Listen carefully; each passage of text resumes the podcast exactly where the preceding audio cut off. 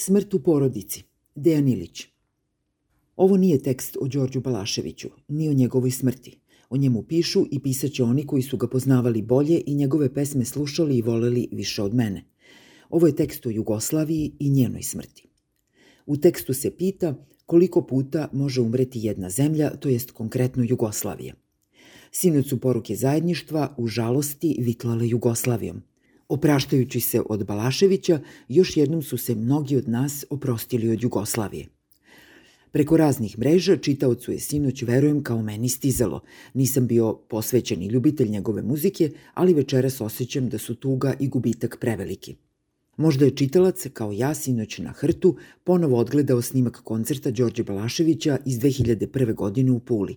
I bile su mu oči pune suza, dok je u prvim redovima ispred bine gledao decu rođenu posle Jugoslavije, kako u glas pevaju pesme iz vremena koga se po prirodi stvari ne mogu sećati. I tako ipak žive, možda i nehotice, Jugoslaviju. Video je čitalac ako je gledao i sredovečne ljude na obodu Pulske arene. Sede na tribinama kao u vremeplovu. Prisećaju se, zaista, čega se oni to sećaju. Sećanje na Jugoslaviju je kao španska serija, sapunica pijanstva i kiča. Jake strasti, neuverljivi zapleti i još gori raspleti.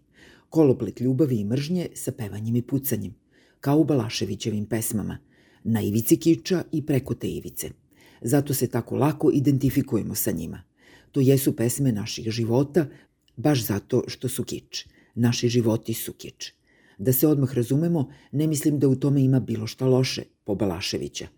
Da su nam jugoslovenski, a postjugoslovenski pogotovo životi bili smisleniji, Balašević bi, verujem, pisao drugačije pesme. Tako to ispadne kada bedni i preko svake mere zli junaci, bez kojih su sapunice nezamislive, nahrupe u stvarni svet i počnu da ga oblikuju prema svojoj meri. Ako ih ne oteramo na vreme, počnemo da živimo njihove fikcije. A tu nema mesta za nijanse i pažljivo rasuđivanje.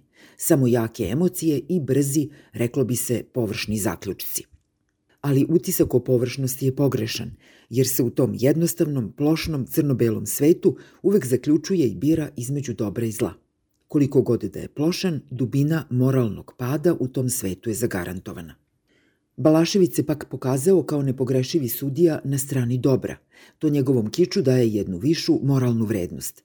Kada se lako identifikujemo sa njegovim pesmama i predajemo dertu u njima, pored mnogih drugih stvari mi zapravo želimo i da sebe vidimo boljima nego što inače jesmo. Na isti način sećamo se Jugoslavije. To je, posle svih promašenih odluka i njihovih ružnih ishoda, sećanje na neke izmišljene bolje nas. Tu se, u tom izmišljenom boljem svetu, sreću gledaoci sa tribina na obodu arene i deca iz prvih redova kada zajedno pevaju u glas Balaševića, to jest Jugoslaviju. Zato su širom Jugoslavije tekle suze i kada su umrli Oliver Dragojević ili nedavno Mira Furlan, ali i kada je poginuo Toše Proeski, kome faktička Jugoslavija, baš kao i njegovoj publici, teško da je mogla išta da znači. Jugoslavija se budi svaki put kad nam je teško, kada pomislimo da smo sami u nevolji i kada nam susedi pruže ruku i kažu niste sami. Jeste, čisti kič ali moralno superiorni kič. Gledali smo to recimo 2014. kada su na trgu u Skoplju Makedonci donosili i ostavljali pomoć za nastradale u poplavama u Srbiji. Gledali smo to i nedavno kada su poruke utehe sa ove strane Dunava krenule ka Zagrebu po stradalom u zemljotresu. Te svojevrsne kanale solidarnosti kopali su i održavali zajedno sa drugima, a svako na svoj način, i Proeski, Dragojević, Furlan, Balašević. U jugoslovenskoj sapunici, sprem opakih negativaca, oni su naši pozitivni superjunaci. Na razornu realnu moć politike odgovarala je pozitivna simbolična moć popularne kulture. Ishod tog neravnopravnog sukoba morao je biti tragičan. S jedne strane gola sila, s druge strane, zaista, šta je s druge strane?